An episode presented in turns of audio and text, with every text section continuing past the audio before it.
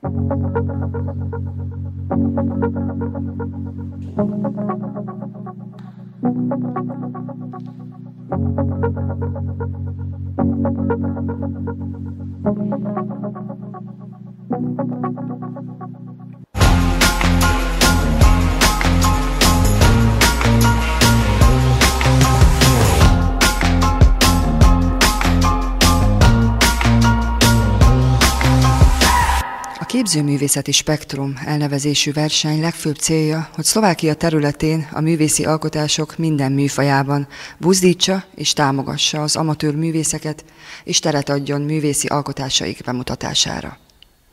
A versenyre benevezett műveket szakmai zsűri értékelte ki, amelyek közül a legjobbakat a Csallóközi Múzeumban állítottak ki.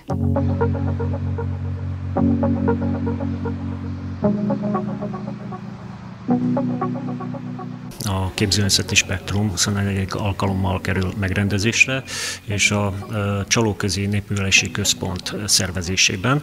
Támogató pedig a, a művészeteket támogató alap. Az idei versenyt mekkora érdeklődés veszte? Mennyi jelentkező volt? Az idén kevesebb jelentkező volt, kevesebb munka is érkezett, mint a tavaly.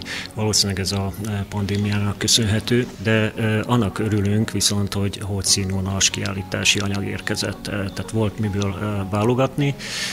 Nagyon különbözőek, különböző alkotások jöttek, különböző irányzatú munkákat láthattunk, úgyhogy azért nehéz volt a zsűri dolga.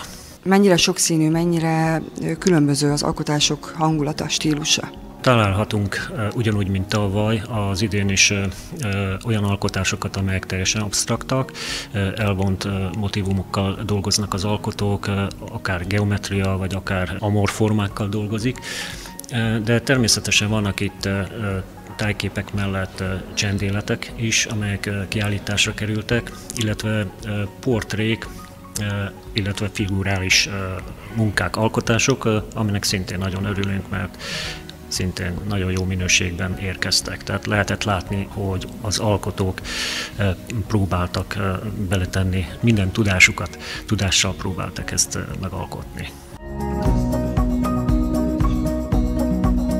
Milyen művészi alkotásokkal lehet benevezni erre a versenyre?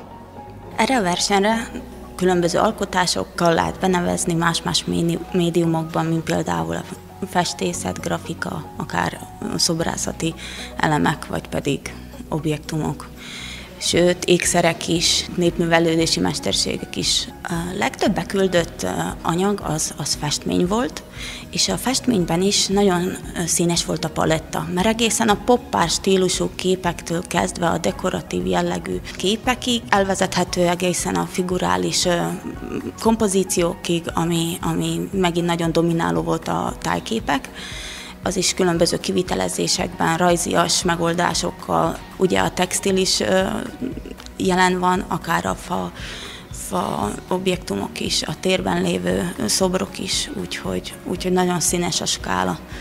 Mennyire volt nehéz a zsűri dolga ebben az évben? Mennyire volt nehéz kiválasztani a legjobb alkotásokat?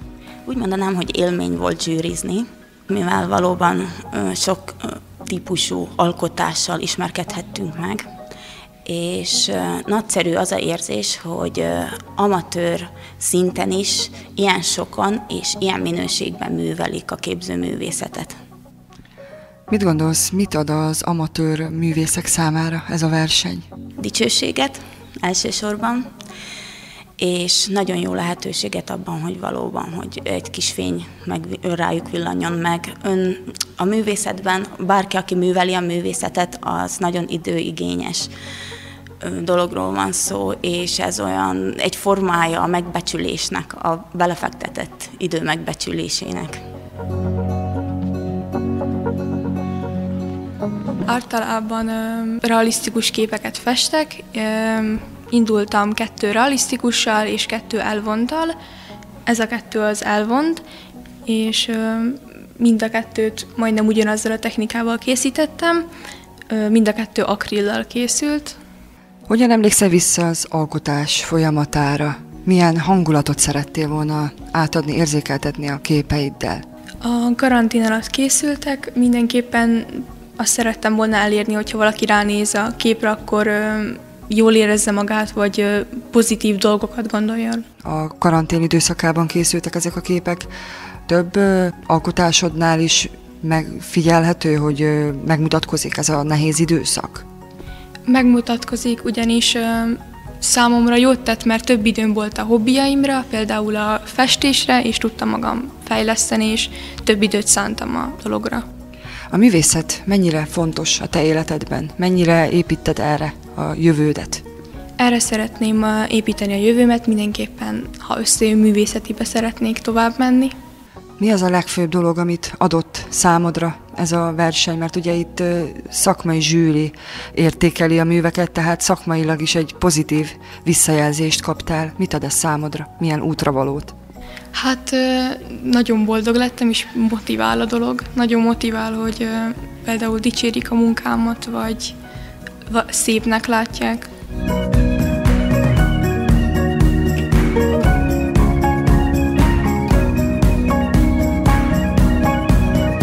Mi jellemzi a kiállított alkotásaidat? Milyen stílus, milyen hangulat? Ezek a textilek japán tradicionális textilfestési technikával készültek, aminek a neve shibori, és inkább ez a jellemző rá, hogy ezzel a technikával vannak megalkotva. Mikor készültek ezek az alkotások? Mennyire tükrözik az akkori hangulatodat? Ezek a pandémia alatt készültek, amikor pont mi is a párommal megbetegedtünk, és, és így a betegség lezárásaként készültek el, és tulajdonképpen a betegség alatt megélt érzelmi hullámvasút megjárását tükrözik. Mennyire volt hatással a pandémia, a koronavírus járvány az alkotói munkásságodra? Észrevetted, hogy több alkotásodban is megjelenik ez az időszak? Egészen addig nem volt rám ez hatással, míg meg nem betegedtem. Akkor volt inkább az, hogy, hogy azt éreztem, hogy, hogy, nem, hogy egyrészt nem tudok alkotni, fizikálisan képtelen voltam rá, és már csak akkor volt ebben könnyebbség, amikor véget ért a bezártság, és akkor éreztem azt a felszabadulást, hogy, hogy végre szaba, újra szabadnak éreztem magam, de, de éreztem, hogy, hogy azt a megélt érzelmi hullámzást viszont ki kell raknom a textilre.